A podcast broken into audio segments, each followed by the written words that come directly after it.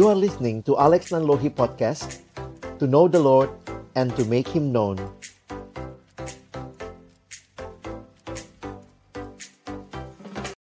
Bapa di dalam surga kami datang dalam ucapan syukur malam hari ini. Terima kasih karena Tuhan baik dan Tuhan menyatakan kebaikan-Mu di dalam kehidupan kami Kembali kami bersyukur Tuhan beri kesempatan kami belajar firman-Mu, juga boleh mendengarkan setiap pemaparan berkaitan dengan tema malam hari ini.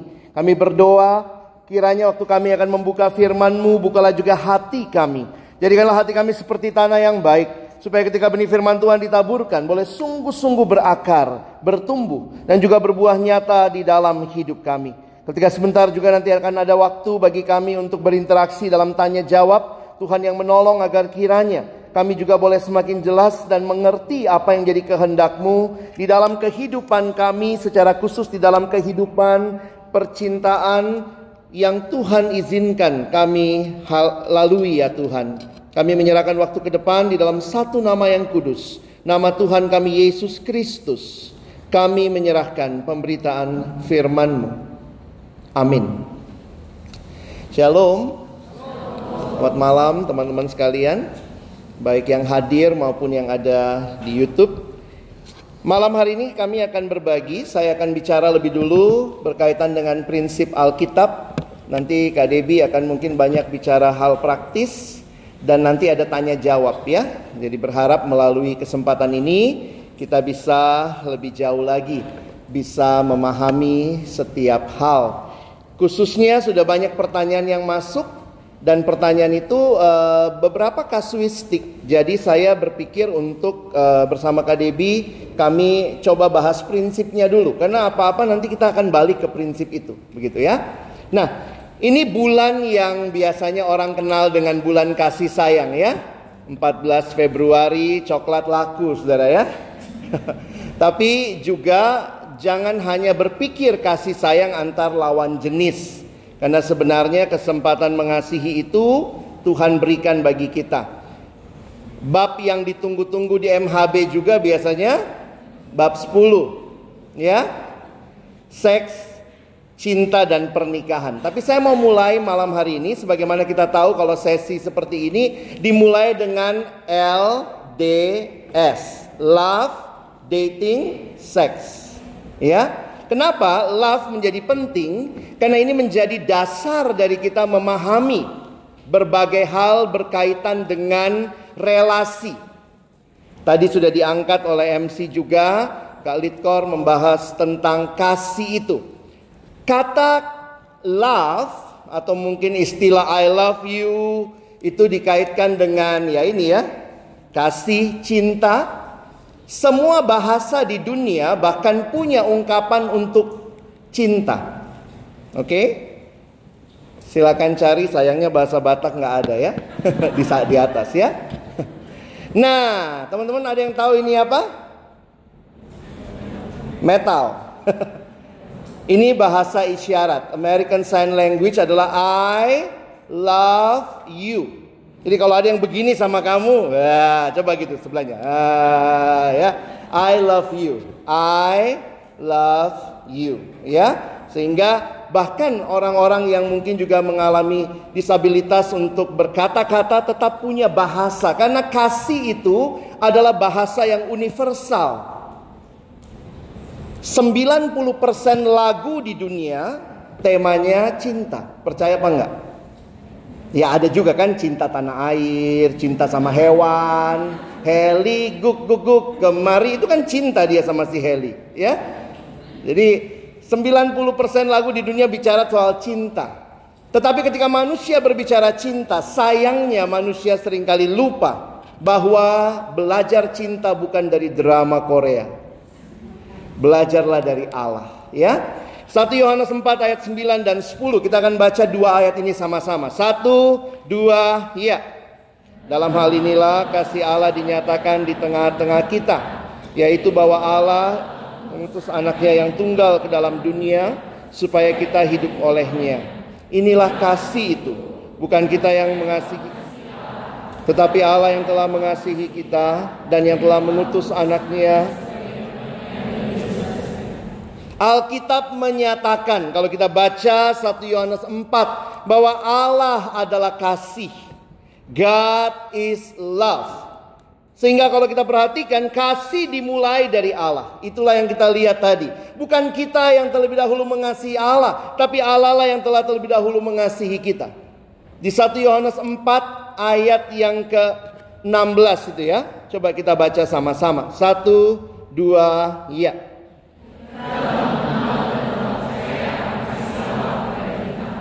Allah adalah kasih dan barang siapa tetap berada di dalam kasih, ia tetap berada di dalam. Inilah apa yang Alkitab sampaikan kepada kita. Allah adalah kasih. Dan yang menarik, ketika Alkitab berbicara kasih, atau saya pakai istilah begini, hampir setiap kali di Alkitab bicara soal kasih khususnya di perjanjian baru lebih khusus lagi di tulisannya Rasul Yohanes. Maka kalau dia bicara kasih, dia tidak memberikan definisi biasanya, tetapi dia menunjuk kepada sebuah tindakan kasih. Yaitu tindakan apa? Allah memberikan anaknya. Coba kita ingat ya, tiap kali dia bicara kasih, contohnya di ayat yang kita baca. Ini abang udah buat warnanya. Dalam hal inilah kasih Allah dinyatakan. Apa yang dia jelaskan di bawah, dia menunjuk kepada sebuah peristiwa Allah telah mengutus anaknya. Perhatikan di dalam ayat 10, inilah kasih itu. Kita berharap dia kasih definisi dong ya. Supaya kalau keluar nanti kita bisa jawab dengan baik. Tetapi bukan definisi yang dia berikan, tetapi sebuah tindakan kasih yang dia refer. Yaitu yang telah mengutus anaknya. Bukankah itu juga yang kita pelajari di Yohanes 3 ayat 16? Karena begitu besar kasih Allah akan dunia ini, bawahnya apa? Memberikan anak yang tunggal supaya setiap orang yang percaya kepadanya tidak binasa. Sehingga kalau saudara dan saya melihat tentang hal ini, saya setuju dengan pendeta Billy Graham ketika dia berkata, Allah membuktikan kasihnya di mana? Pada kayu salib. Ketika Kristus digantung berdarah dan mati, itulah saatnya Allah berkata kepada dunia, "I love you."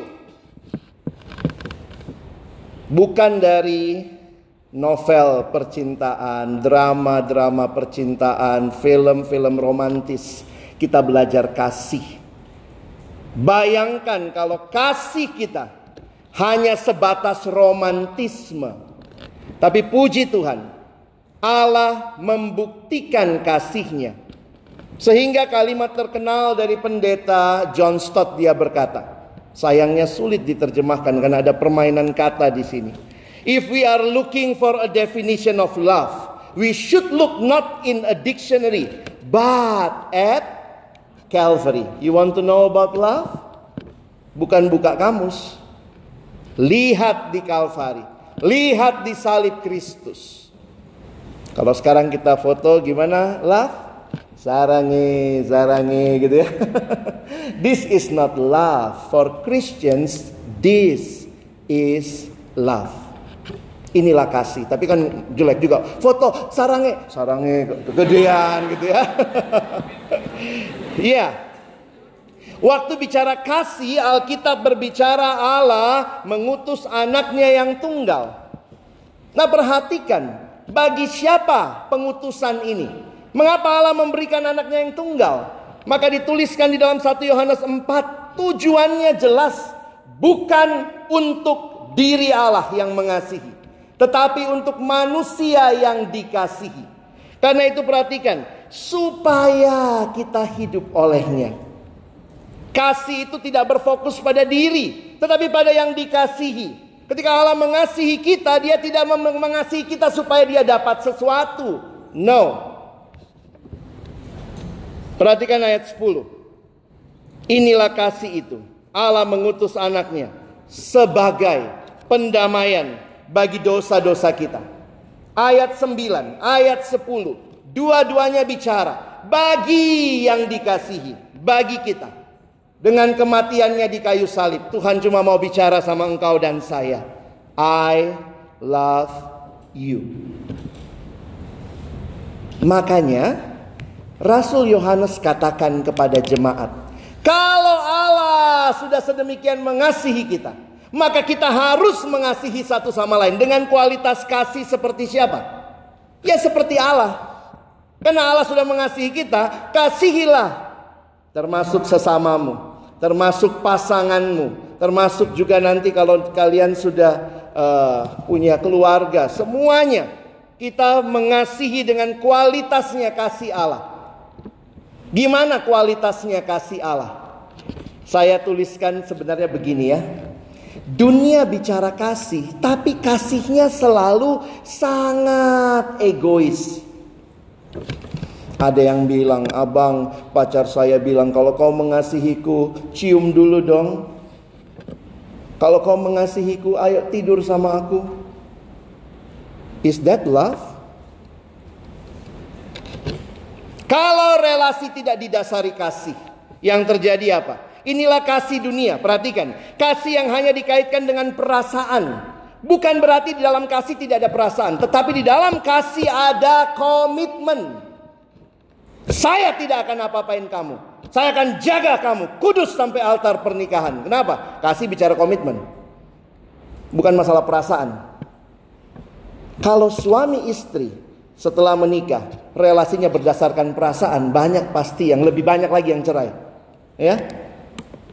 Kesel sama istri, bau sekali kentutmu. Misalnya ya, bukan berarti Kak Debbie begitu, enggak. Mungkin dia mau komplain sama saya gitu. Kamu yang bau. Kadang-kadang kita mengasihi pasangan kita, wih gue sayang banget gitu ya. Kadang kita kesel banget. Kalau relasi berdasarkan perasaan up and down, up and down, hari ini kita menikah, besok cerai aja.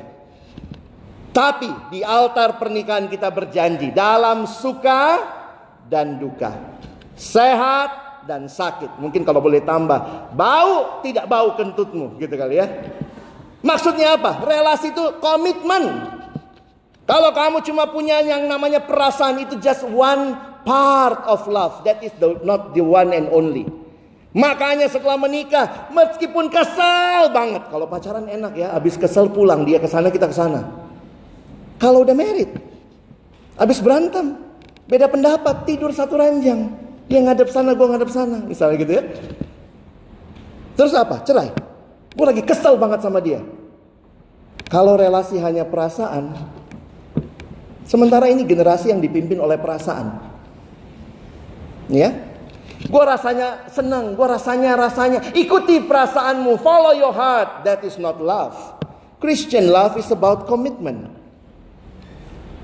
It's more than just feeling. We need feeling. But feeling is not the compass for our life. Perasaan bukan kompas kehidupan. Beberapa alumni ada yang sharing sama kami juga soal pergumulan rumah tangga. Ya dia sharing kepada orang yang juga punya pergumulan ya. Karena nggak ada rumah tangga yang bebas pergumulan. Dan dalam sharing mereka begini ya, gue rasanya udah gak ada cinta sama dia. Kalau memang perasaan selesai sudah pernikahan. Tapi biasanya kita ingat lagi janji pernikahan, kita ingat lagi buah cinta anak-anak, maka kita bisa melihat bahwa ini bukan sekadar masalah perasaan. Sorry, saya agak bicara tegas di sini karena generasi ini banyak kali hanya berkata perasaan. Cintanya Tuhan tidak egois. Makanya kalau ada yang seperti itu sama kamu, minta bukti cinta dengan sesuatu bagi dirinya, no. Bahasa Indonesia itu katanya paling gampang menjelaskan kasih. Apa itu kasih? Kasih ya kasih. Coba kasih ya kasih. Love is giving. Tidak ada bahasa di dunia yang bisa begitu jelas dan gamblang menjelaskan kasih. Apa itu kasih? Kasih, ya kasih. Love is giving. Love is not taking. If love is taking, taking, taking, that is not love. That is rampoking. You know? Dan banyak orang di dalam pacarannya karena tidak didasari kasih Allah bukan berlomba-lomba memberi kepada pasangannya tapi berlomba-lomba merampok hari ini gue mau pegang tangan dia Besok mau cium pipi dia. Besoknya pegang tangan cium pipi, cium bibirnya. Besok gue grepe-grepe. Kenapa? Saya ambil, saya ambil, saya ambil, saya ambil. Waktu seorang anak cerita, abang saya, pacar saya sering grepe-grepe nonton di kosan begitu. Perampok itu. Dia bilang dia cinta sama saya. Tidak ada cinta di situ. Itu namanya main-main. Tapi saya kan sudah digituin sama dia. Saya nggak mau lagi lah sama orang lain. Bodoh kamu. Maaf. Karena kamu tidak mengerti kasih yang sejati. Kenapa kita bicara kasih lebih lama? Sebenarnya ini prinsipnya ya.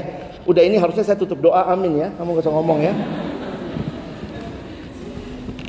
Karena kalau sudah mengasihi dasarnya adalah ngasih bukan ngambil ngasih. Itulah yang Tuhan tunjukkan di kayu salib. Ketika Allah mengasihi kita, dia kasih anaknya yang tunggal. Bukan untuk dia. Allah tidak rampok satupun dari kita. Tapi dia memberikan segalanya. Karena itu, relasi yang indah harus bertumbuh dalam iman. Pastikan cari yang seiman. Jangan lagi ditanya, jadi bagaimana ya bang? Yang seiman aja kadang sulit mengasihi. Walaupun dia sudah mengalami kasih Allah, kadang-kadang keegoisan, kemanusiaan, manusia lama kita masih bergumul, apalagi yang tidak seiman, jangan mimpi. Kasih manusia terbatas. Kasih dunia terbatas. Kita dalam kesulitan yang tidak belum sempurna tapi kita yang mengalami kasih Allah yang tidak terbatas. Kita dipanggil untuk mengasihi juga. Makanya relasi dibangun dalam kasih. Makanya kenapa penting bertumbuh? Kenapa penting satu sama lain saling berbagi, saling menguatkan dalam iman, membaca Alkitab. Itu bukan basa-basi karena kita Kristen maka ih repot amat sih pacaran Kristen. Sudah menikah nanti ya kita butuh bertumbuh dalam kasih karena ini pelajaran seumur hidup. Belum ada dari kita yang udah tamat dari pelajaran mengasihi ya. Kadang-kadang kalau sudah menikah, ya tiba-tiba kayak kebayang gitu. Beberapa orang mungkin dari pacaran juga ya merasa seperti uh, apa ya adu ring tinju. Siapa yang menang? Saya apa dia? Siapa saya apa dia? Eh waktu masuk pernikahan juga jadinya begitu. Ketika berantem, hmm, menang saya, diam dia kan? Sudah saya tutup mulutnya. Eh, kalian lagi ring tinju. Kasih itu sabar. Kasih itu murah hati. Kasih itu lemah lembut. Waktu saya bimbingan pranikah sama pendeta kami. Saya yakin istri saya masih ingat ya. Karena dia tahu saya juga hamba Tuhan. Dia bilang, coba Alex.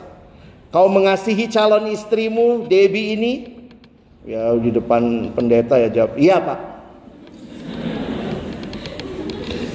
Terus dia bilang, coba baca 1 Korintus 13 ayat 7 ke bawah. Lalu saya bacalah. Kasih itu sabar, kasih itu murah hati, kasih itu lemah lembut. Betul Alex? Iya Pak Pendeta. Sekarang ganti kata kasih, ganti dengan namamu. Baca di depan yang kau kasihi. Lalu saya baca, Alex itu sabar. Aduh, bukan gua banget. Alex itu murah hati. Alex itu mengampuni. You want to know how relationship works? Harus punya kasih.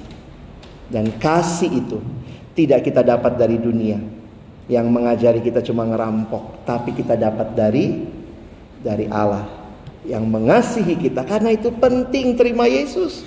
Cari pasangan yang terima Yesus, bertumbuh dalam kasih Yesus. Bukan cuma dulu dia rajin PMK, tapi sekarang masihkah dia cinta Tuhan? Ya, saling membakar kalian kalau sudah punya pasangan gitu ya. Nah, kalau sudah begitu bagaimana? Nah, kita lihat nih. Ada yang bilang bagaimana sih siklusnya? Nah, saya bikin gambar begini biar gampang ya. Memang kalau uh, abang mimpin kelompok biasanya saya suruh coba definisikan. Karena perlulah kita belajar mendefinisikan ya.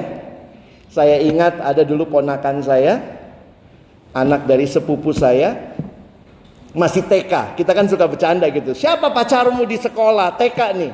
Terus dia sebut ada si Sarah, ada si uh, Jenny, ada banyak kali pacarnya ya. Itulah anak TK ya. Tapi banyak loh anak PMK juga mungkin masih TK. Baru jalan sebentar dia bilang kami udah pacaran bang. Hah? Jelas dulu definisinya. Mungkin masih berteman kalian. Ya mesti jelas nih definisinya. Apa bedanya teman sama sahabat? Katanya teman lebih banyak, sahabat lebih dikit gitu kali ya. Teman boleh sama lawan jenis? Boleh. Sejenis? Boleh. Sahabat boleh sejenis?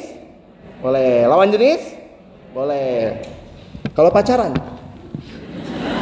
Boleh lawan jenis? Harus. Sejenis? Jangan. Jadi belajar definisikan ya. Jadi udah tahu nih. Oh ini pacar nih. Apa bedanya pacaran sama tunangan? Komitmen. Loh, di pacaran udah ada komitmen. Tunangan? Ada juga. Saya nanya anak kelompok kecil saya dulu waktu saya kasih ini. Apa bedanya pacaran sama tunangan? Tunangan lebih mahal, Bang. Benar juga sih. Kalau sudah tunangan, itu komitmennya diketahui oleh keluarga biasanya atau gereja. Sementara kalau pacaran kan biasanya masih berdua ya.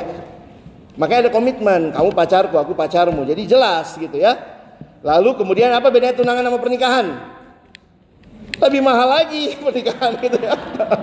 Makanya beberapa orang ada yang langsung aja pernikahan ya. Bedanya apa? Tunangan masih boleh putus. Thank you. Oh, sampai besok bang. Oke. Okay. Tunangan masih boleh putus. Kalau sudah menikah, tidak bisa cerai secara prinsip Alkitabiah. Nah, makanya kita mesti punya gambaran seperti ini ya. Berteman itu seperti piramida terbalik. Nah, begitu sampai ke bawah tuh satu ya. Jangan besar di bawahnya. Suami empat, terus bilang saya kayak Salomo bang. Yeay. Jadi teman-teman mulailah dari akhir. Maksudnya apa?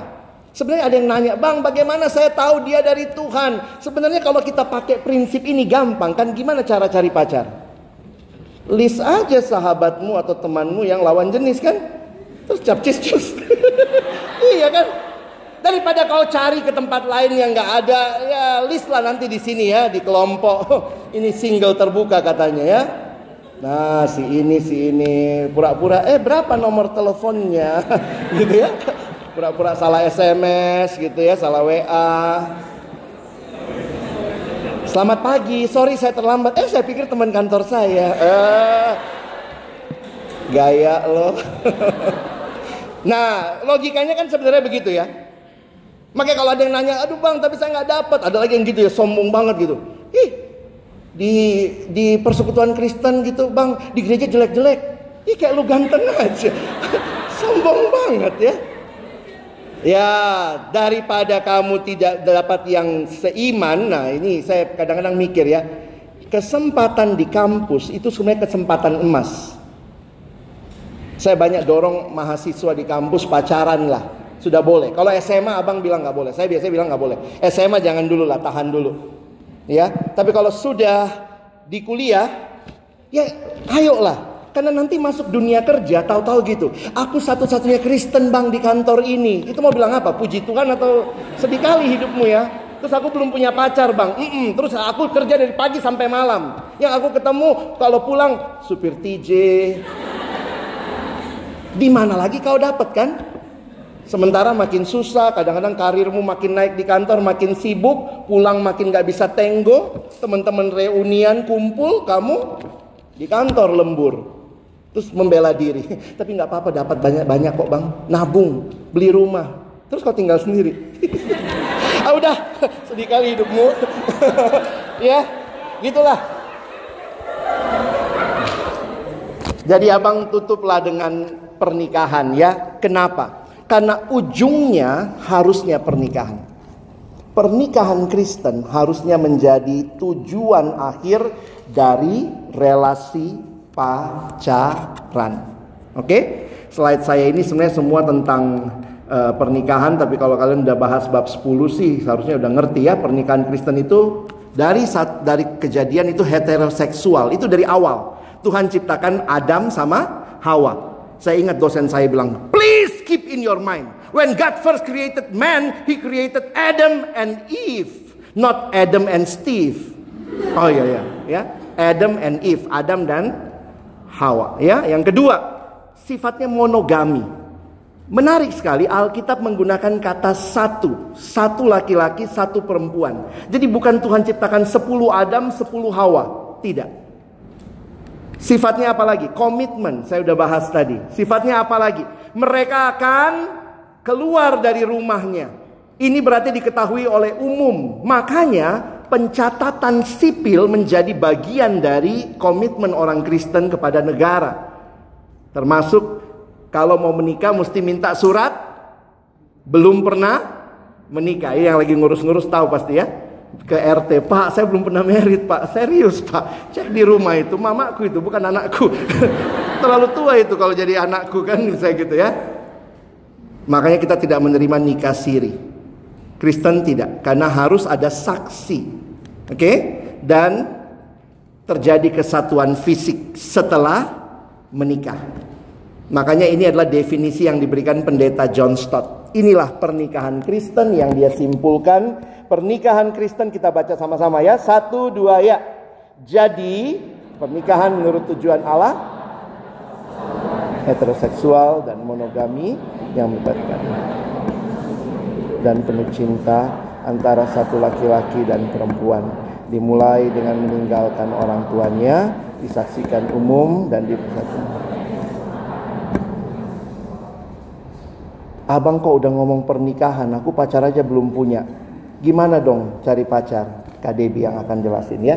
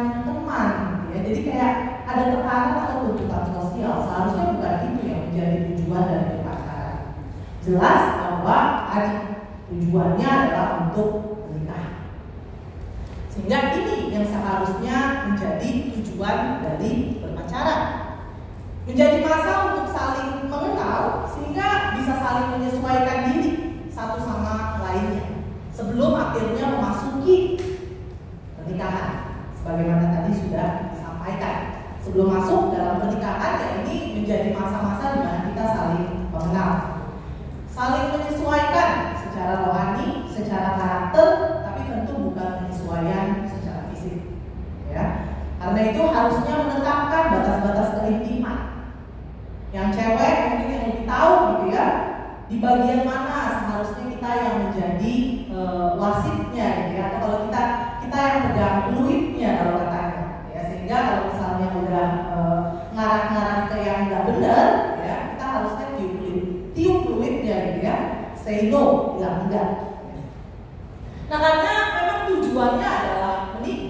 jelas karena, itu dalam hal ini kita bisa melihat. Sebenarnya pasangan seperti apa yang kita butuhkan? Kalau memang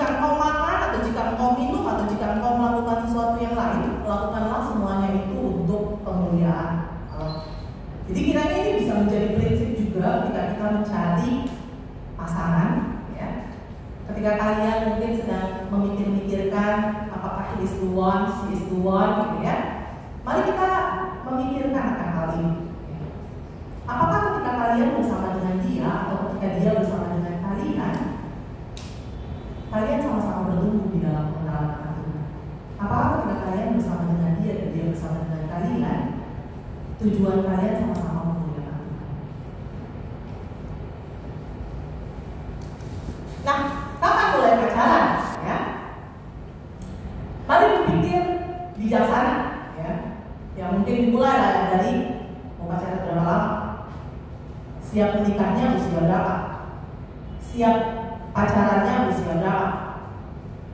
Penting untuk bisa bedakan akibat dan tujuan dan ini yang menarik gitu ya. Kalau di dalam e, kejadian tadi dinyatakan penolong yang sepadan. Kadang-kadang penolong yang sepadan itu cuma mikirnya adalah ya udah e, perempuannya gitu ya. Tapi seharusnya juga masing-masing saling gitu ya menjadi penolong yang definisinya kalau misalnya kita baju aja masih dicuci sama orang tua apakah itu sudah menjadi penolong yang sepadan nantinya? Kita lagi cari istri loh bukan lagi cari pembantu. Kalau kita ya bangun aja harus dibangunin gitu ya apakah kita sudah menjadi penolong yang sepadan atau jangan-jangan nantinya kita malah jadi penolong? berbicara dengan penolong sepadan ini bukan cuma kita cari, tapi kita coba berkaca kita sendiri di mana jadi penolong sepadan dulu. Jangan tahunya kalau tadi Alex bilang kasih itu seharusnya gak egois, karena itu seharusnya berpikir gitu ya. Jangan cuma maunya dapat jadi penolong yang sepadan, tapi jangan-jangan kita sendiri tidak mengevaluasi diri sehingga kita sendiri tidak menjadi penolong yang sepadan. Hati-hati bukan jadi penolong, malah jadi perokok. Nah, gimana jalan masalah masalah eh, masalah jam dulu lah ya? Kalau banyak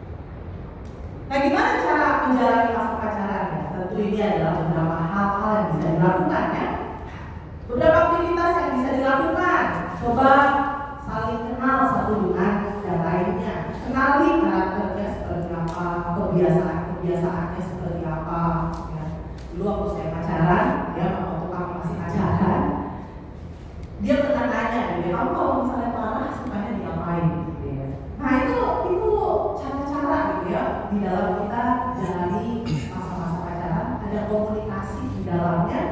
Komunikasi dilakukan untuk apa ya? Untuk saling mengenal ya. Bisa tahu oh dia maunya seperti ini. Ada kebiasaan kebiasaan tertentu yang bisa kita komunikasikan. Ada karakter-karakter tertentu tertentu yang tentunya juga bisa kita lihat. Ya.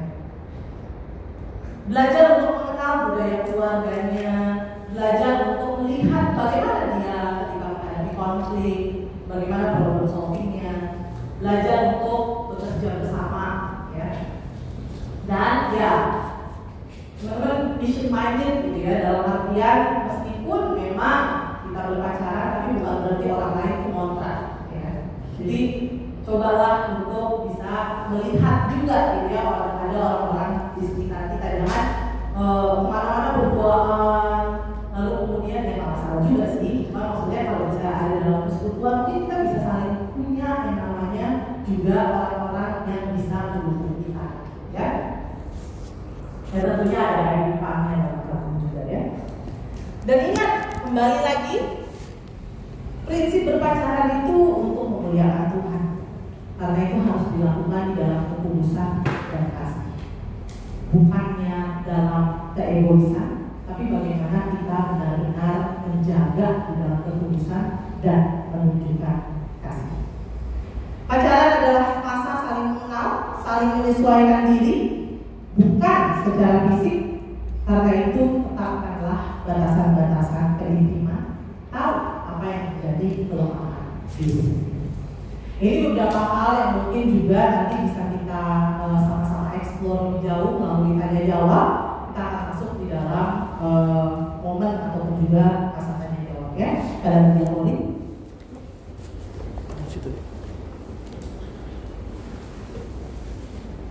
Sebelum ngurus boleh dibantu.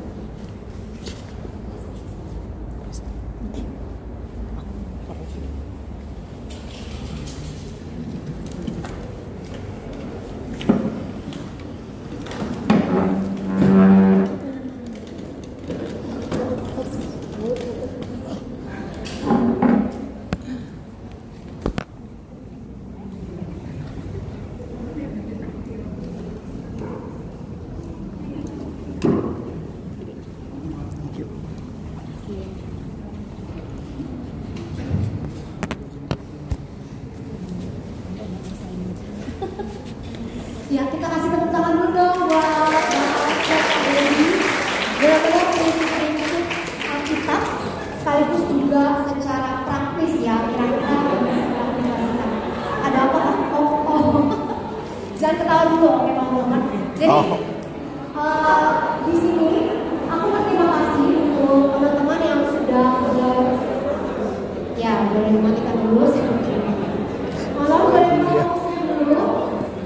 Ya, kita menghargai setiap eh, pertanyaan yang masuk. Tidak ada pertanyaan yang terlalu remeh atau pertanyaan yang terlalu cemerlang. Semuanya adalah keresahan dan kegelisahan yang real ya, yang dirasakan oleh teman-teman dan kita mengapresiasi hal itu. Karena itu kita bertepuk tangan untuk semua orang yang sudah bertanya. Terima kasih teman-teman. Uh, dari 48 ribu pertanyaan yang masuk, uh, saya sudah berusaha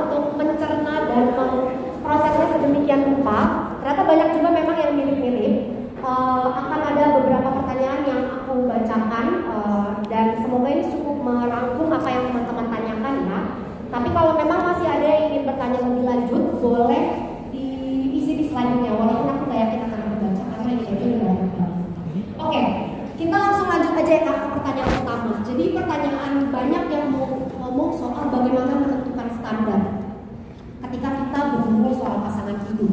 Apakah misalnya tentang latar belakang keluarga, pekerjaan, status pendidikan, bahkan masa lalu, itu boleh nggak sih kita menjadikan itu sebagai pertimbangan kita menentukan standar? Uh, oh, terus kalau misalnya kita belum ketemu-ketemu nih yang memenuhi standar kita itu, apakah harusnya kita menurunkan standar atau emang kagak ada jodohnya? Silahkan ada sama. Selalu berpengharapan ya. Jangan karena ditolak dua kali lalu merasa harus mati empat kali gitu ya. Itu kadang-kadang uh, menyedihkan. Saya coba kasih mungkin ini kayak apa ya, ya bisa jadi guideline untuk memilih teman hidup. Kadang-kadang saya pikir jangan terlalu dirohanikan sampai seolah-olah kalau teman hidup itu kayak ya Tuhan kalau kau mau tunjukkan tunjukkanlah. Lalu kemudian siapa pun yang ngetuk pintu ini dialah gitu ya. Terus yang kalau yang ngetuk apa gitu ya. Jadi pilih kuliah aja kalian juga pasti ada pertimbangan ya. Maka pertama, pakailah akal sehatmu. Karena ini adalah memilih pasangan hidup pakai akal sehat teman-teman. Jadi tahu misalnya saya taruh nomor satu karena sebenarnya biasanya orang yang nomor satu itu perasaan ya ya saya dapat perasaan sama dia betul sih tapi kadang-kadang juga kita harus bisa melihat jadi kalau saya pakai uh, ini ya empat empat hal ya pertama akal sehat kedua perasaan atau anak sekarang suka bilang chemistry tapi chemistry juga ini harus dibangun teman-teman. Kamu nggak kontak dia sebulan lalu hilang chemistry-nya, salah kamu. Jangan bilang ya kayaknya sudah hilang perasaannya. Ya kamu jatuh cinta itu gampang, yang sulit itu bangun cinta. Ya. Dan bangun cinta itu harus ada investasi waktu, ada investasi ngobrol gitu ya. Nggak, kalau nggak nggak bisa gitu. Ya. Jadi perasaan, eh, eh, sorry, akal sehat, chemistry, walaupun itu juga bukan penentu satu-satunya, makanya yang ketiganya itu karakter. Yang tadi Kak Lydia juga bicara bagaimana apakah dia orangnya, kita mesti tahu dong. Ini kan, ya saya harus katakan kadang-kadang anak PMK tuh lucu ya. Waktu pilih pengurus dulu tim regenerasi itu pilih pengurus wih luar biasa tuh. Ini jangan masih ngerokok. Eh begitu cari pacar, cari suami, ngerokok pun kayaknya nggak apa-apa.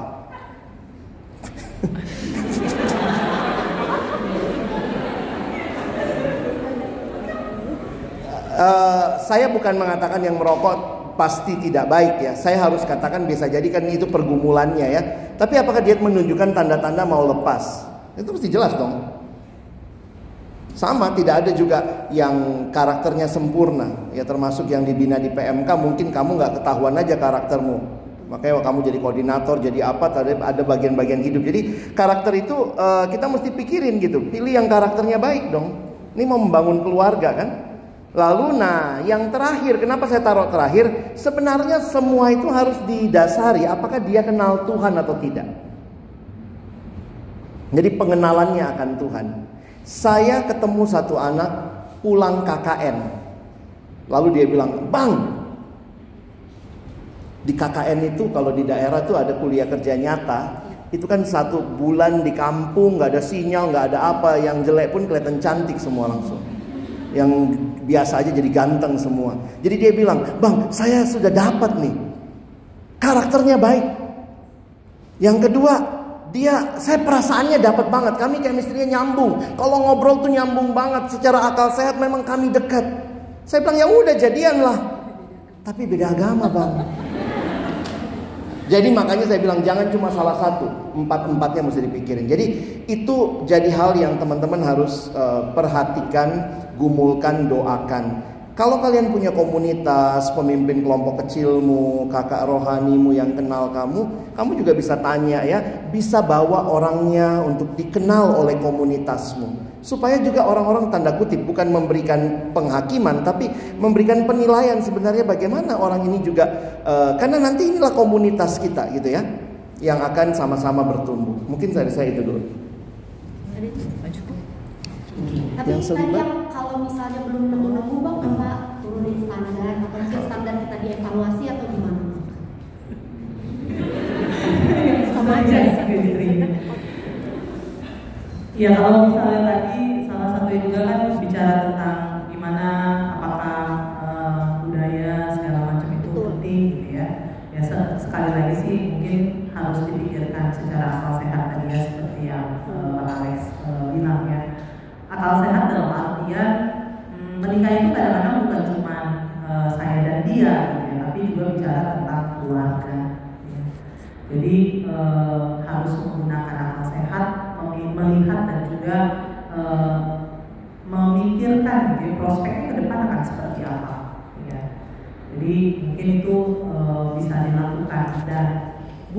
bukannya kemudian eh, mengusulkan eh, apa ya kalau bisa dibilang profesi ataupun juga eh, lulusan dan segala macam, tapi saya rasa poin akal sehat ini menjadi hal yang sangat penting ya untuk kita mencari dan juga memikirkan apakah memang dia tepat buat saya atau saya tepat buat dia ya.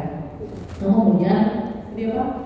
Kalau misalnya nggak sesuai standar hmm, saya tuh mikir seperti ini ya sebenarnya ada yang berbeda ya.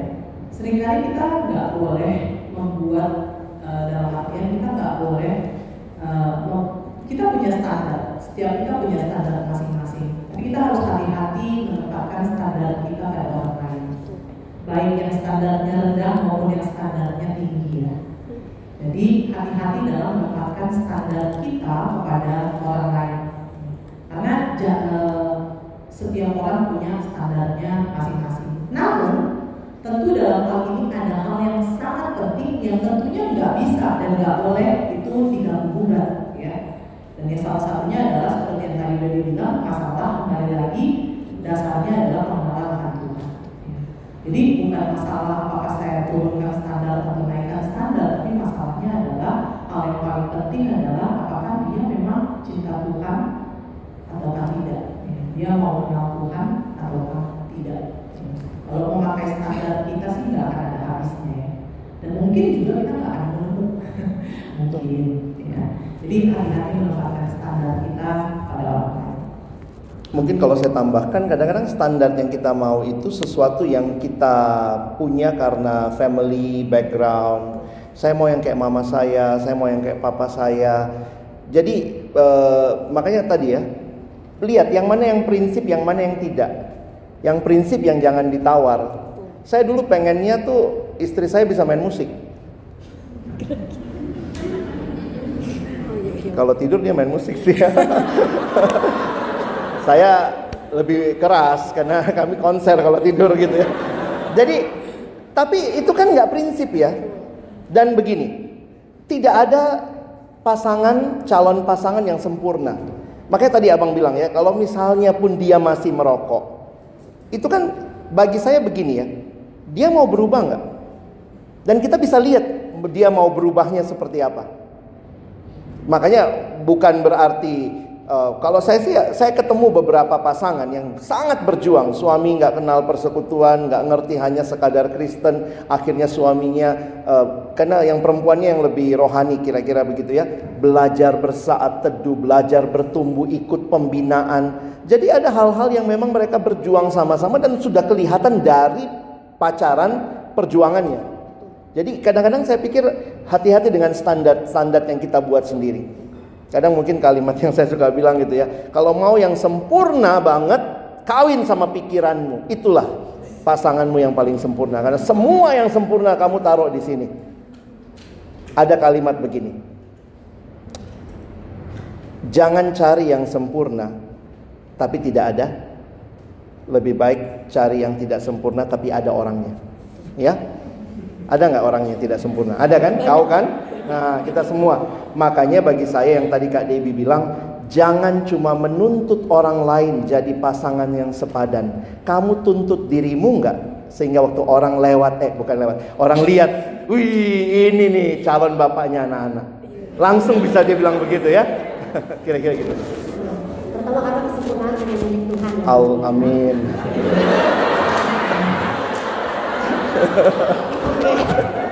Kita lanjut ke pertanyaan berikutnya ini soal doa mendoakan nih Bang ya. Iya. Banyak sekali pertanyaan ini. Ini pertama dan terutama 26 yang live setengahnya Enggak sih maksudnya pertanyaannya 50 nih.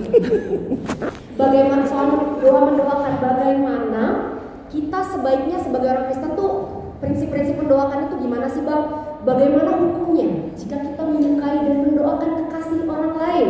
Ya. Kayak nggak ada yang lain aja ya bang ya. Terus tadi misalnya Saya jadi pengen tahu apa isi doanya. Coba coba apa isi doanya kira-kira ya? Terus perlukah kita mendoakan secara spesifik? Atau misalnya kita udah mendoakan orang nih, tapi ada yang deketin kita gimana? Nah itu nih bang dalam proses doa mendoa ini. Kalau ngomongin hukum tadinya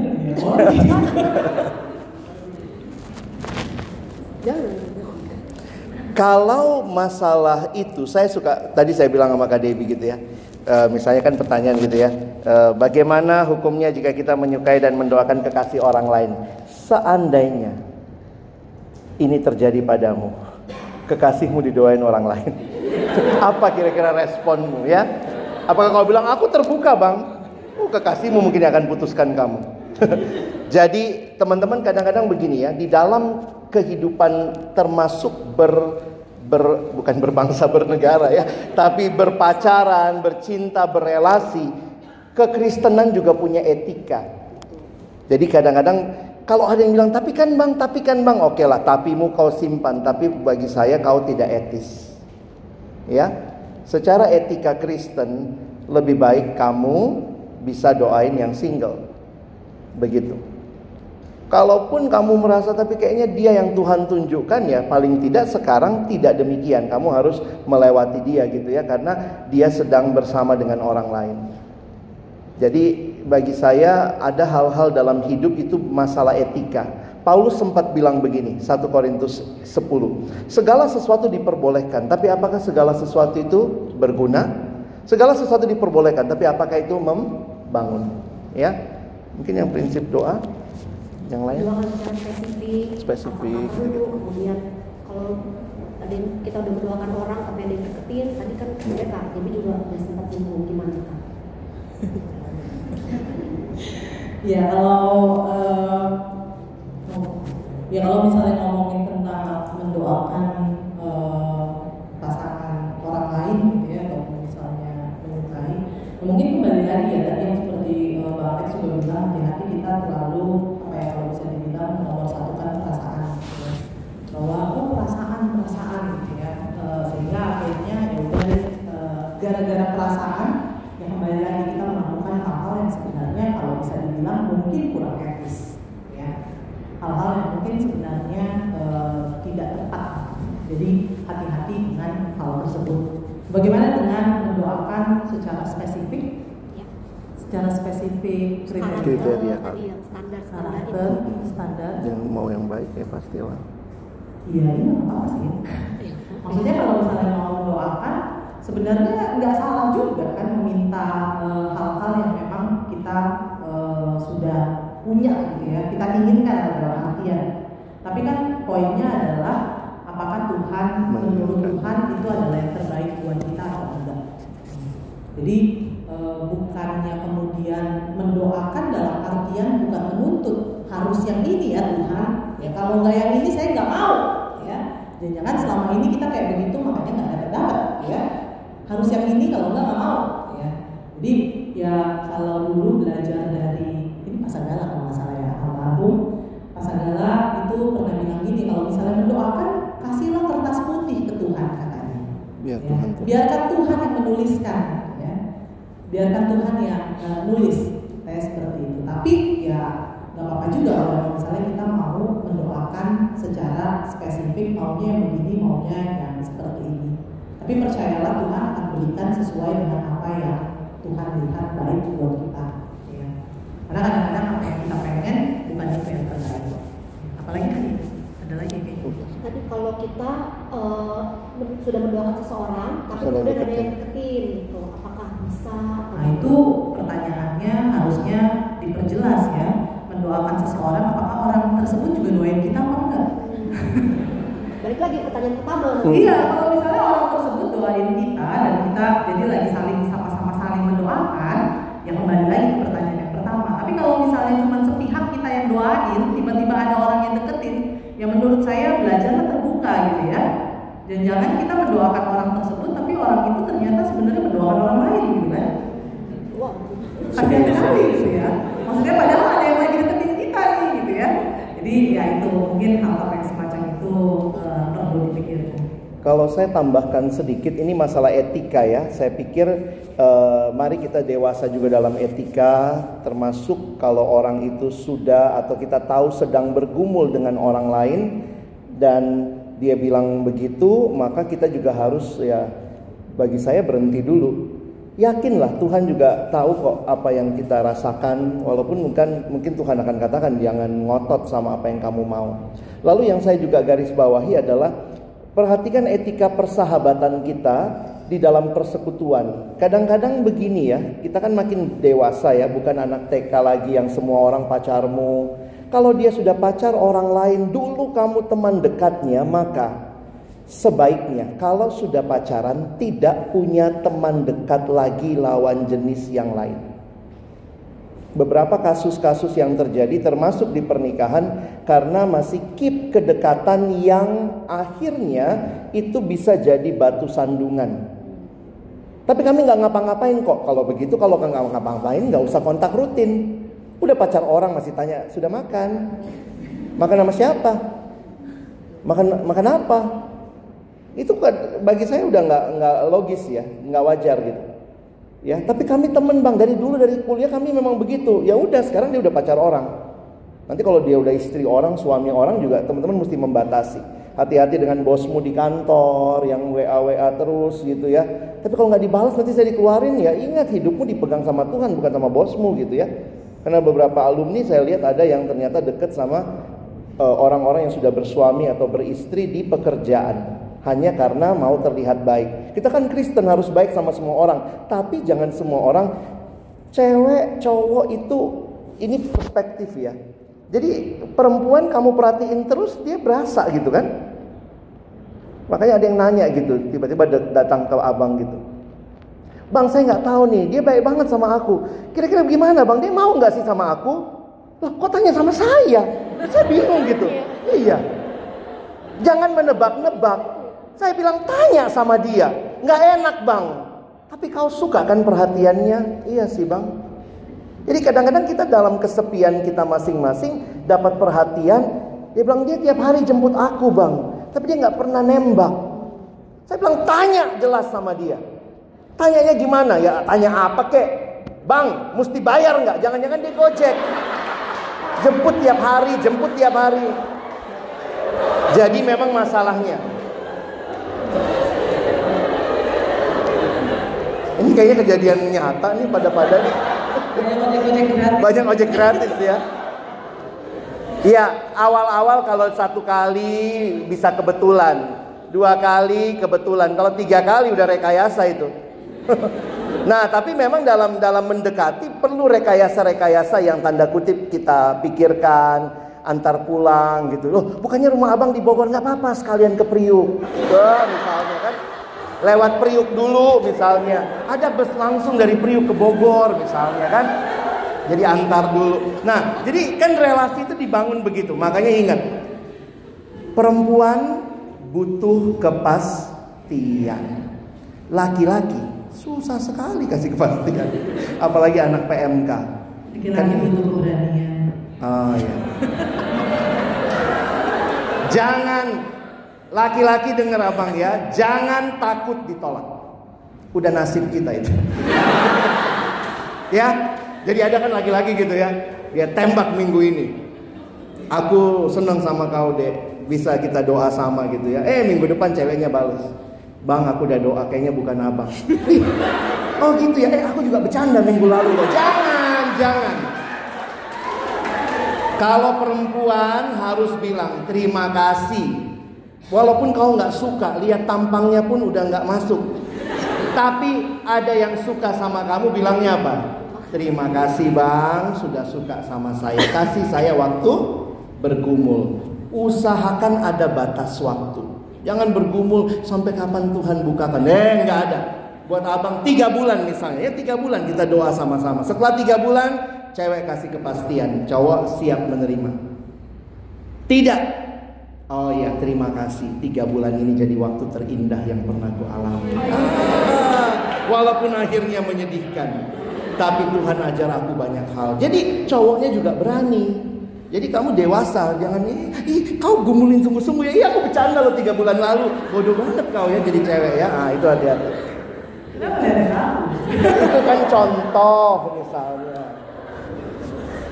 Iya, makasih bang. Ini juga pertanyaan yang banyak dibicarakan ya soal bergumul bang. Contohnya di pertanyaan yang sekarang banyak ditanyakan adalah soal langkah-langkah praktis untuk memulai pacaran atau bergumul bersama.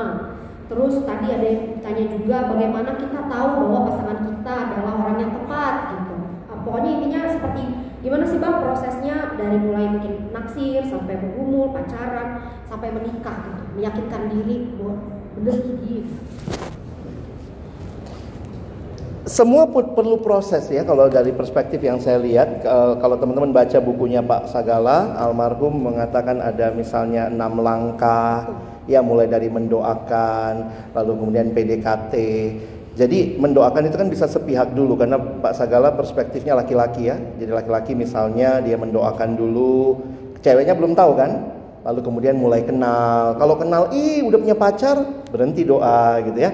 Kalau ternyata dia masih terbuka, lanjut lagi, lalu ciptakanlah relasi yang ya itu tadi rekayasa-rekayasa gitu ya. Kalau pinjam pinjam buku, misalnya ada empat jilid bukunya, pinjam satu dulu, ya. Baca selesai, nanti aku datang lagi ya, misalnya ya. nanti ketemu lagi misalnya. Jadi ada prosesnya sampai nanti kemudian mengajak calonnya untuk sama-sama berdoa Nah, tapi kalau saya lihat satu sisi yang menarik begini ya, itu proses sih teman-teman. Jadi lewatin aja. Namanya kita membangun relasi, maka perlu kenal. Ya, jadi perlu kenal dan di dalamnya juga teman-teman uh, punya yang tadi ya kalau kata Kak Debi jangan beli kucing dalam karung itu ya. Maksudnya kamu tahu ini siapa gitu. Memang kita sama-sama mungkin anak Tuhan, sama-sama pengurus di kampus, tapi kenal lebih jauh. Itu proses sebenarnya memulai relasi. Jadi jangan pacaran yang uh, apa ya, jangan pacaran yang hanya wasting time. Eh, mungkin ya saya waktu kami pacaran, saya bilang waktu itu memang karena saya sebenarnya pacaran sudah di usia cukup bukan lanjut ya, bukan tua banget tua. saya menikah 37. Ya, saya menikah 37, abang pacaran 33, 34 ya. Uh, dia pacar pertama saya. Dan saya pacar pertama dia. Nggak ada masa lalu ya. Jadi uh, masalahnya cuma suka-suka sama orang tapi nggak pernah pacaran. Nah saya memang uh, apa dibilangnya terlalu enjoy dengan pelayanan sehingga waktu itu uh, kayak susah. Yang kayak tadi Kak Debbie bilang pengen tapi nggak nggak tekun doain. Nah kemudian waktu kami pacaran saya tahu waktu saya terbatas walaupun kami pacaran tiga tahun setengah ya maka saya bilang waktu itu kalau kita ketemu kita ngobrol yuk. Jadi kami tidak pernah nonton ya. E, pernah sekali nonton menjelang nikah sebulan atau dua bulan menjelang nikah lah. Kami nggak pernah nonton karena bagi kami nonton itu buang waktu dia lihat sana, saya lihat sana, mau pegang tangan masih takut, gitu ya. E, jadi bagi kami ngobrol. Dulu karena saya juga padat pelayanan, Kak Debi juga dulu padat pelayanan, dia sempat ketua PAKJ waktu itu, dan e, kayak wah cari cari waktu ketemu susah gitu ya. Kita kayak minta pelayanan, boleh tanya nggak hari apa kosongnya gitu ya, jam berapa gitu. Dan saya ingat sekali dulu abang pegang acara di radio Pelita Kasih setiap Jumat malam, maka kami pacarannya Jumat sore ya, jam 5 sampai jam 7 gitu ya. Udah kayak KTB, ada jadwalnya, masukin jadwal. Kalau enggak, enggak ada gitu. Saya nggak bisa nganter dia pulang karena rumah kami jauh ya. Dia di Cibubur, saya di Kelapa Gading gitu. Kadang-kadang pisahnya udah malam gitu, udah susah. Jadi ya tidak terlalu romantis lah. Tapi maksudnya saya mengatakan saya harus memake every effort untuk waktu-waktu kita ngobrol. Jadi kadang-kadang juga sampai saya jatahin ya, minggu depan gue pengen tahu dong tentang keluarga lo gitu ya. Jadi kita ngobrolin keluarga kita, kesukaannya apa, kebiasaannya apa. Terus minggu depan eh, kita ngomong tentang, karena kami beda umurnya juga jauh. Beda 10 tahun. Jadi saya harus belajar kenal dunia dia, dia belajar kenal dunia saya gitu ya. Dan itu kan butuh perjuangan. Jadi bukan pacaran romantis ya, lihat anggrek, lihat apa ya.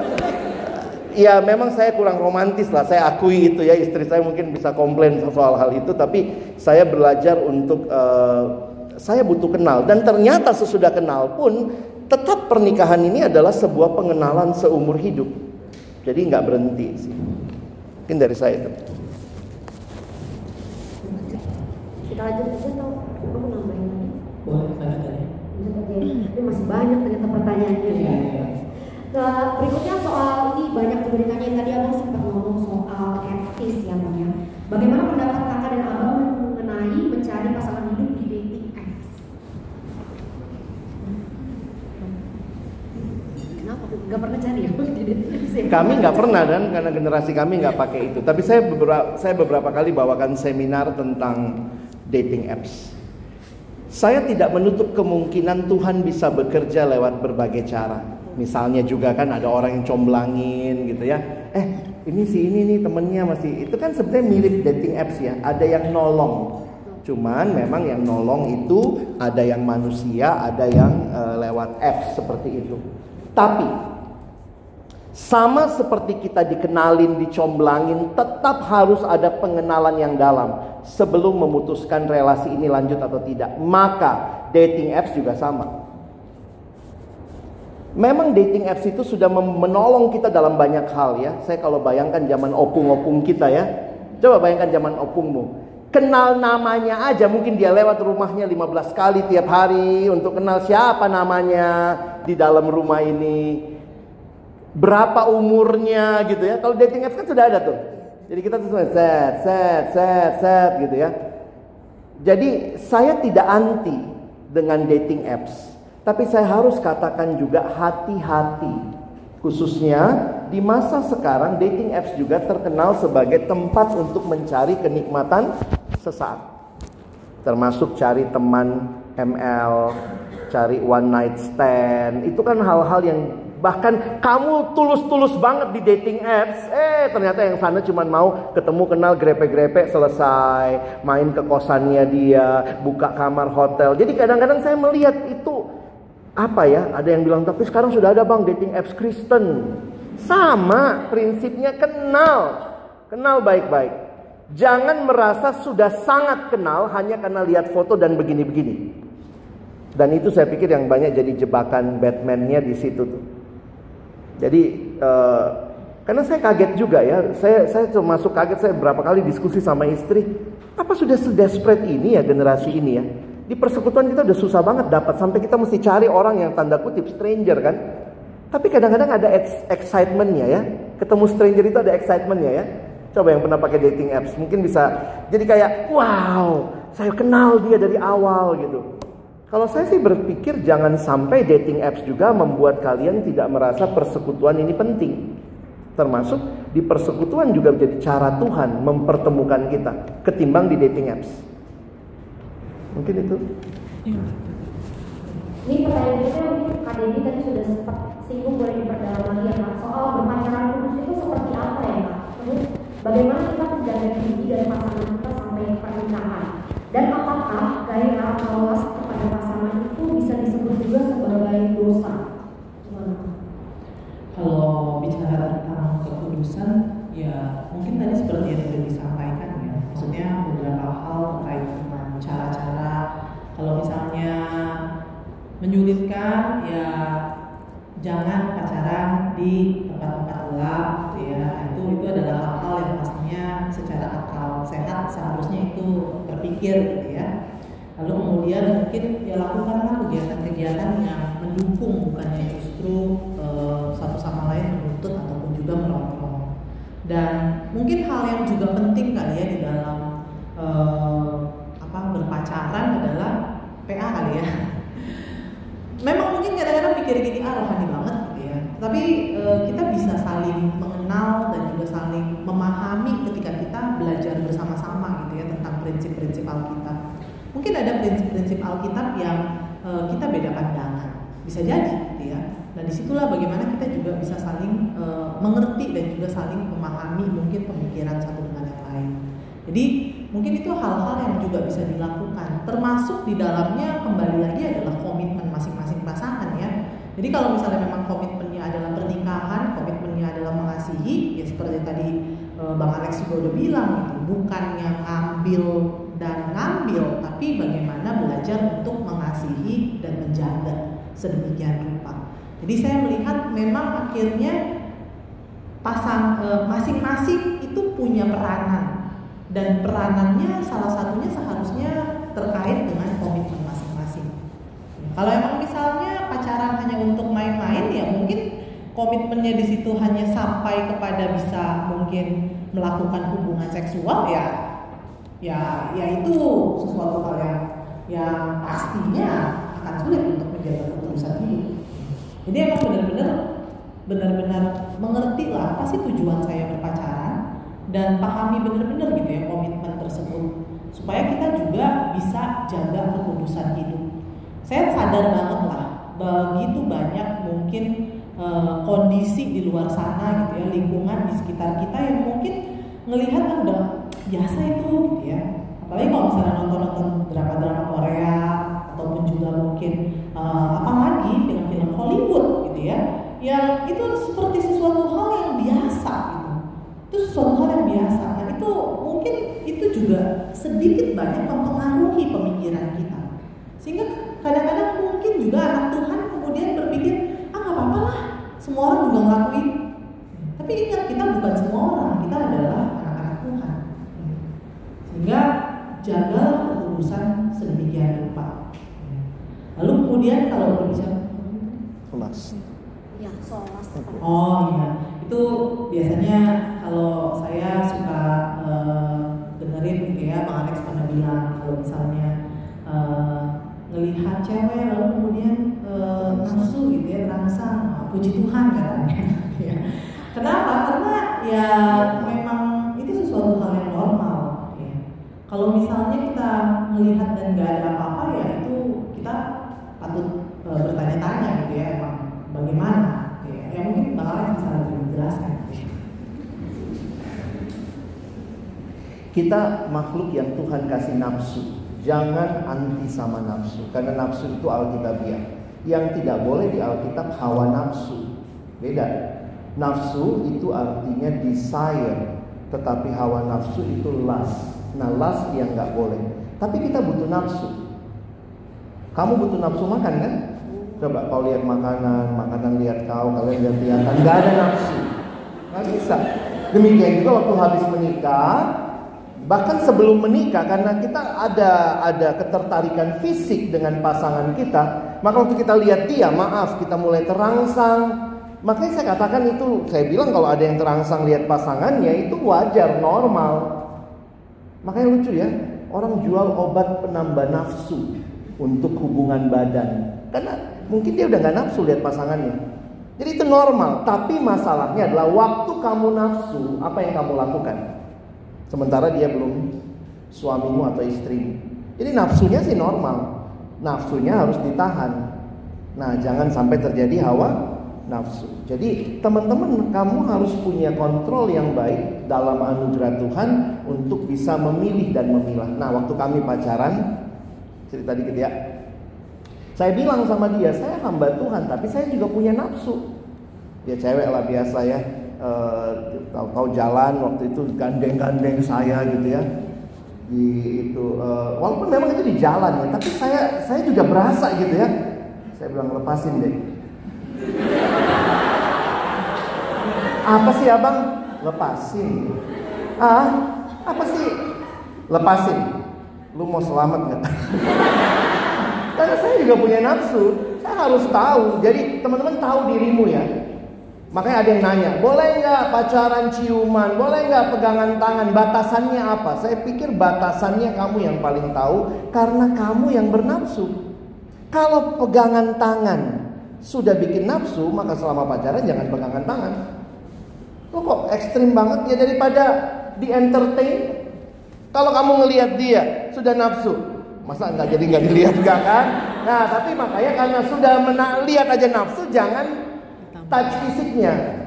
Orang nanya, abang pernah cium Kak Debbie nggak waktu pacaran? Pernah tiga kali saya cium dia. Eh, cium pipi di depan orang banyak keluarganya waktu ulang tahun.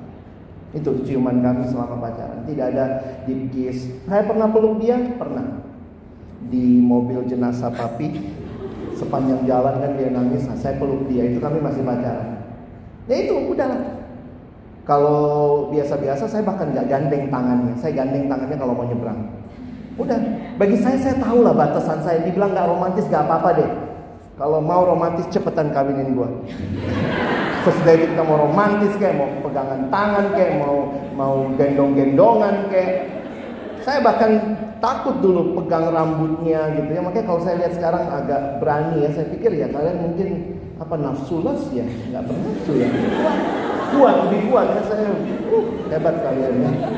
Tapi buat saya saya sadar banget sayanya masalah.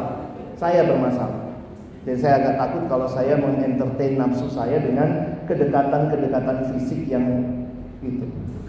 Itu butuh kejujuran dan clarity ya bang yang antar pasangan tuh untuk Iya. Dan dia juga nggak gampang menerima kan saya bilang jangan pegang. Kan apa sih? Nggak romantis banget sih gitu ya. Dia udah pernah mau putusin saya karena saya nggak romantis ya. tanda kutip, tanda kutip maksudnya karena merasa kok kayak nggak punya pacar ya. Uh. Tapi ya saya bagi saya uh, kesempatan ketemu itu berharga. Makanya saya nggak membatasi nggak nonton ya supaya saya bisa fokus liatin dia. Kami makan sama-sama. Pertanyaan terakhir nih Ya. mohon maaf nggak tahu ya waktu segala yang memisahkan. Padahal kalau acara kantor sampai jam 11 ya. Ini Jam 11 juga baru juga pesen taksi pulang ya. Ini soal menikah atau tidak menikah. Jadi ada dua pertanyaan yang. Kalau akhirnya melihat bahwa sejauh ini tidak ada orang yang sesuai menjadi pasangan, apakah itu jawaban Tuhan bahwa kita harus terlibat? Ini sejenisnya pertanyaannya. Apakah kerinduan untuk menikah selalu akan ditepati Tuhan meski terlambat? Atau terkadang kerinduan untuk menikah bisa saja ternyata bukan panggilan Tuhan? Bagaimana?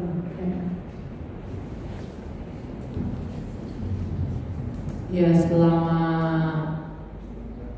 kalau ngomongin masalah selibat mungkin jangan terlalu cepat gitu ya kita memutuskan ataupun juga kemudian e, bilang bahwa oh kayaknya panggilan saya ini selibat gitu ya itu sesuatu hal yang rasanya jangan terlalu cepat untuk diputuskan seperti itu jangan juga karena oh saya ini kayaknya gagal terus gitu ya. Lalu kemudian kok saya ini kayaknya ditolak terus misalnya. Loh, kok kayaknya saya ini eh, eh, nggak dapat dapat? Apa emang selibat gitu panggilannya. Saya rasa itu sesuatu hal yang seharusnya tidak menjadi eh, keputusan ataupun juga pemikiran gitu ya. Tapi mungkin kalau misalnya itu terjadi misal maksudnya kalau misalnya oh kayaknya kok saya gagal terus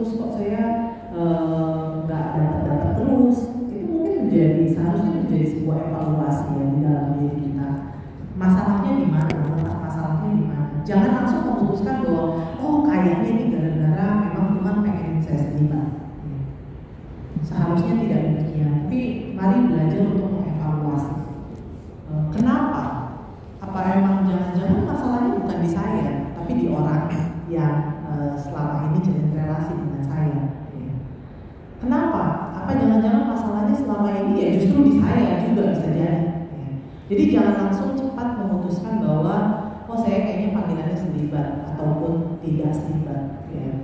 mari mengumpulkan dan juga mendoakan secara sungguh-sungguh hmm, meskipun mungkin ini mungkin saya nggak tahu juga ya tapi mungkin sisi cewek atau entah bagaimana lah ya tapi ketika saya mengumpulkan ataupun juga mendoakan eh, pasangan ya saya sadar betul bahwa relasi dengan Tuhan tuh memegang artian Tuhan akan berikan kepekaan sebenarnya masalahnya kadang-kadang adalah kitanya yang udah peka tapi nggak mau taat atau kitanya yang eh, ya kitanya peka sebenarnya tapi mungkin kitanya yang nggak mau taat jadi eh, kembali lagi coba pikirkan relasimu dengan Tuhan seperti apa.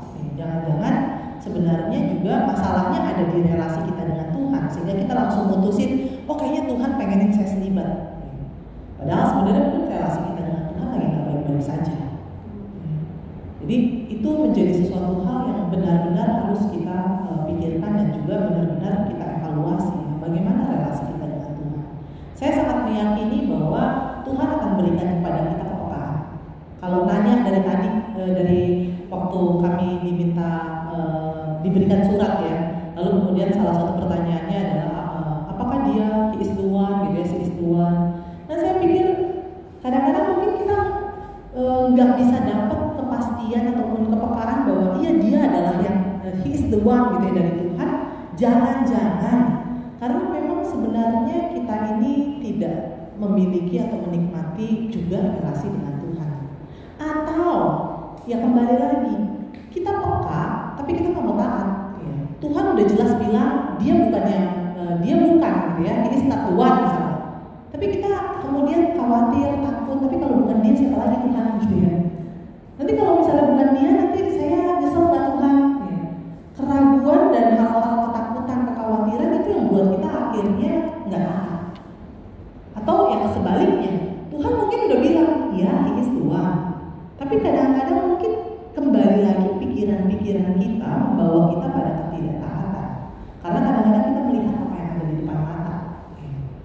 Yang kita lihat di depan mata kok kayaknya nggak mungkin.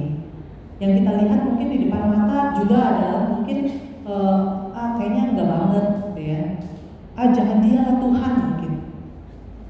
Padahal Tuhan mungkin udah bilang enggak dia orangnya. Nah, kadang-kadang masalah-masalah seperti itu ya bukan hanya masalah kepekaan tapi juga ketaatan kepada Tuhannya. Itu menjadi hal yang sangat penting sih. Daripada kita me- memikirkan oh kayaknya panggilan saya selibat itu seperti apa ya? Kayak jalan pintas ya kadang-kadang. Udah capek karena ditolak mulu mungkin. Udah capek karena mungkin juga gagal terus dalam relasi. Udah capek karena kok kesannya kayaknya gue suka tapi nggak pernah dia nggak nggak berbalas gitu ya. Sehingga akhirnya kayak jalan pintas udahlah gue nggak mau mikirin kayak gue selibat aja hati-hati ya dengan pemikiran-pemikiran seperti itu. Mungkin kapan-kapan bikin seminar singleness karena singleness sendiri sebenarnya banyak pergumulan di situ. Ada saya kasih gambaran sederhana sebenarnya ada dua pendapat secara teologis tentang singleness. Ada yang merasa selibat itu adalah panggilan khusus. Jadi kayak eh, jadi suster gitu ya, itu kan pastor, itu selibat itu panggilan khusus. Tetapi ada teologi lain yang melihat eh, itu bukan panggilan khusus. Sama saja seperti menikah itu panggilan seli, eh, apa single, jadi nggak pakai istilah selibat. Single juga panggilan. Nah, jadi saya lebih suka kita diskusikan singleness-nya. Jangan takut dengan singleness karena di dalam hidup mungkin kamu lebih lama single.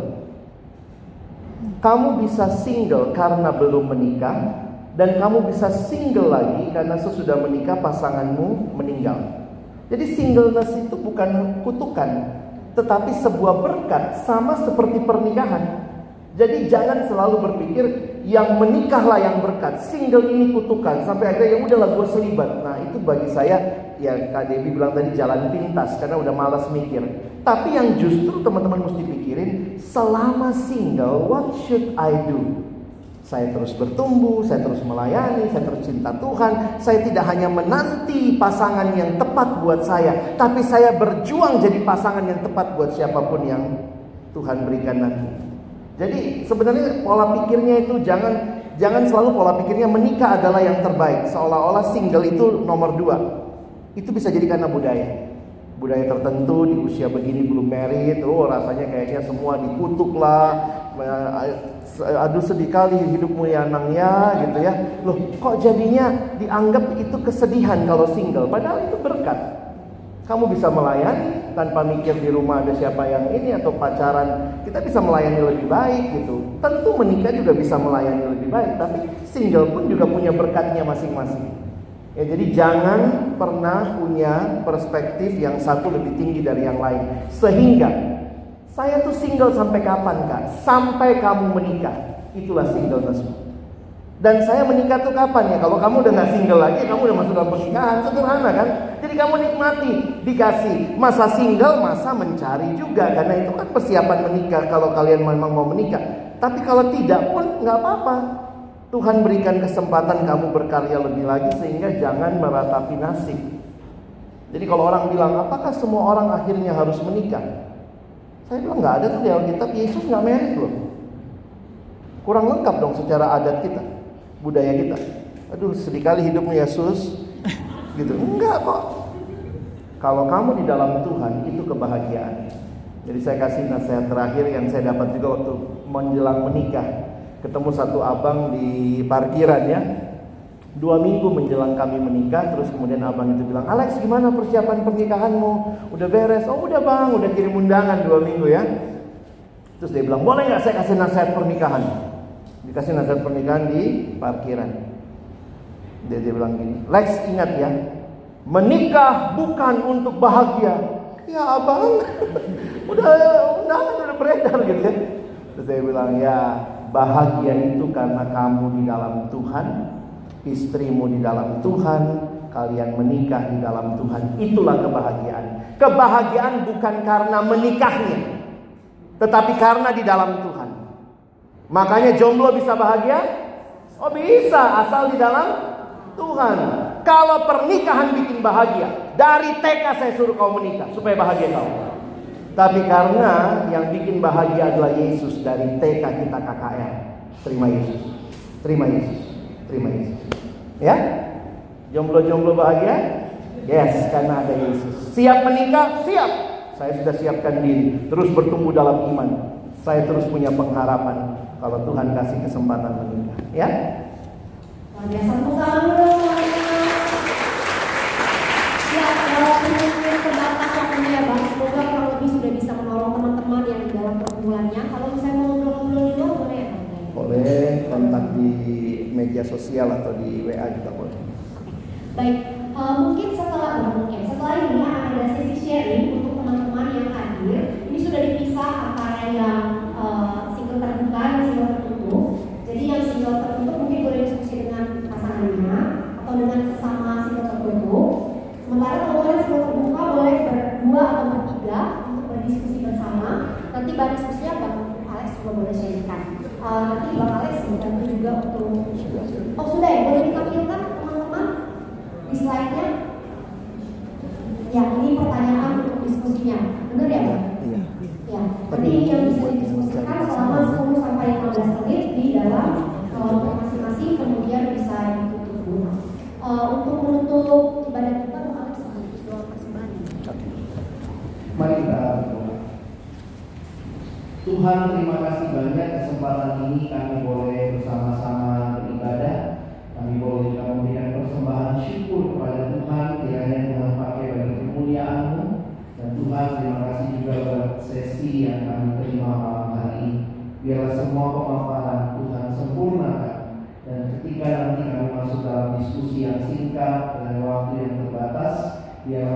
boleh saling mengenal satu sama lain dan lebih lagi